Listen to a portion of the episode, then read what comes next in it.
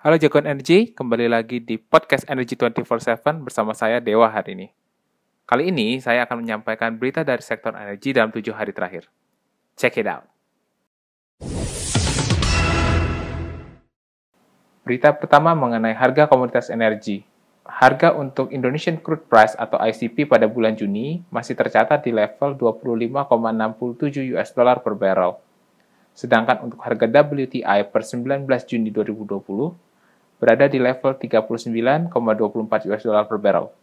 Nilai ini naik sekitar 3 US dollar dari minggu lalu, yang merupakan imbas dari pemotongan produksi OPEC. Sedangkan untuk harga LNG price di Asia berada di level 2,07 US dollar per MMBTU. Sedangkan untuk harga rata-rata secara global berada di nilai 1,81 US dollar per MMBTU. Kemudian, untuk harga batu bara acuan di bulan Juni berada di angka 52,98 US dollar per ton.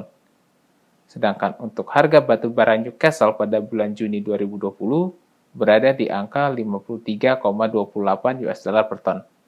Nilai ini cenderung turun terhadap nilai di bulan Mei 2020. Berita selanjutnya dari sektor migas. Erick Thohir pangkas direksi Pertamina. Kementerian BUMN menggelar rapat umum pemegang saham atau RUPS Pertamina pada Jumat 12 Juni 2020. Dari rapat tersebut, pemerintah memutuskan merombak jajaran direksi Pertamina. Presiden Director masih dijabat oleh Nike Widiawati. Sedangkan Director of Strategy Portfolio and New Ventures dijabat oleh Iman Rahman. Director of Finance dijabat oleh Emma Sri Martini sedangkan Director of Human Capital dijabat oleh Kus Hartanto. Director of Integrated Logistics and Infrastructure dijabat oleh Mulyono, dan Director of Corporate Services dijabat oleh Haryo Yunianto. Berita selanjutnya, Bos Pertamina akan prioritaskan subholding hulu IPO terlebih dahulu. PT Pertamina Persero tengah bersiap agar subholding perusahaan dapat segera melantai di bursa saham. Adapun salah satu subholding yang diprioritaskan untuk segera IPO yakni subholding Hulu yang operasionalnya dipegang oleh PT Pertamina Hulu Energi.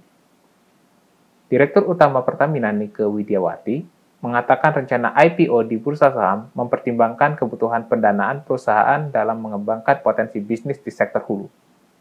Di samping itu, menurut Nike, dengan melakukan IPO, maka banyak aset hulu yang dapat terus dikembangkan, apalagi mengingat dalam proses pengembangan di sektor hulu membutuhkan biaya yang tidak sedikit.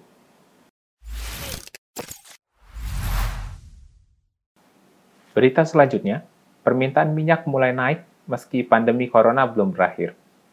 Organisasi Negara Pengekspor Minyak atau OPEC memproyeksikan permintaan minyak bakal meningkat pada semester kedua tahun ini, meskipun pandemi corona belum berakhir. OPEC menyebut pada Rabu 16 Juni 2020 waktu setempat, bahwa permintaan minyak global secara perlahan mulai pulih setelah terpukul akibat krisis virus corona. Dalam laporan bulanannya, organisasi tersebut memproyeksi penurunan permintaan pada semester 2 tahun ini hanya sebesar 6,4 juta barel per hari. Pasalnya, beberapa negara di Eropa dan Asia mulai melonggarkan pembatasan sosial meskipun jumlah pasien positif COVID-19 terus bertambah. Berita selanjutnya dari PLN. PLN siapkan skema angsuran tagihan listrik. Ini caranya. Masyarakat ramai mengeluhkan kenaikan tagihan listrik sejak awal masa pembatasan sosial berskala besar atau PSBB selama pandemi virus corona. Dari aduan yang masuk ke PT PLN per 11 Juni, telah ada lebih dari 65.000 pelanggan yang mengadu. Mayoritas berasal dari Jakarta, Bandung, dan Surabaya. PLN menyebut 98% lonjakan tagihan listrik terjadi karena kenaikan pemakaian listrik rumah tangga. Apalagi selama pandemi COVID-19, pelanggan rumah tangga banyak beraktivitas di rumah. Untuk meringankan beban masyarakat tersebut, Direktur Utama PLN Zulkifli Zaini menyiapkan skema cicilan pembayaran listrik bagi pelanggan yang jumlah tagihannya membengkak di atas 20% pada bulan Juni. Skema tersebut adalah melalui angsuran biaya kelebihan tagihan listrik. Misalkan pelanggan biasanya membayar 1 juta rupiah per bulan. Namun, pada tagihan listrik bulan Juni menjadi 1,6 juta rupiah. Maka pelanggan dapat mengaksur besaran kenaikan sebesar 600 ribu rupiah yang dilakukan maksimal selama 4 kali dengan mekanisme pembayaran tiap bulan sekali.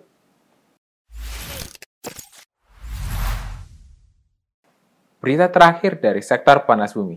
Realisasi investasi panas bumi hingga kuartal 1 2020 hanya 15,52 persen. Kementerian Energi dan Sumber Daya Mineral atau SDM mencatat realisasi investasi sektor panas bumi pada kuartal 1 2020 baru mencapai 163 juta US dollar atau 15,52 persen dari target tahun ini sebesar 1,05 miliar US dollar. Pasalnya, ada tantangan dan resiko yang cukup besar dalam pengembangan panas bumi. Direktur Panas Bumi Kementerian SDM Ida Nuryatin Finahari menjelaskan investor perlu tambahan insentif agar tertarik mengembangkan proyek panas bumi di tanah air. Apalagi Indonesia memiliki keterbatasan akses infrastruktur menuju lokasi proyek. Kelayakan proyek panas bumi untuk tarif listrik masih kurang ekonomis bagi masyarakat jika dibandingkan dengan PLTU. Tak berhenti di situ, isu sosial dan perizinan dalam pengembangan sektor panas bumi juga selalu ada. Apalagi panas bumi juga melakukan pengeboran seperti layaknya sektor migas. Demikian Energy 24/7 dalam minggu ini. Jangan lupa untuk follow sosial media kita dan podcast PYC Energy Drink untuk mendapatkan update mengenai sektor energi di Indonesia. Terima kasih sudah mendengarkan dan see you next week.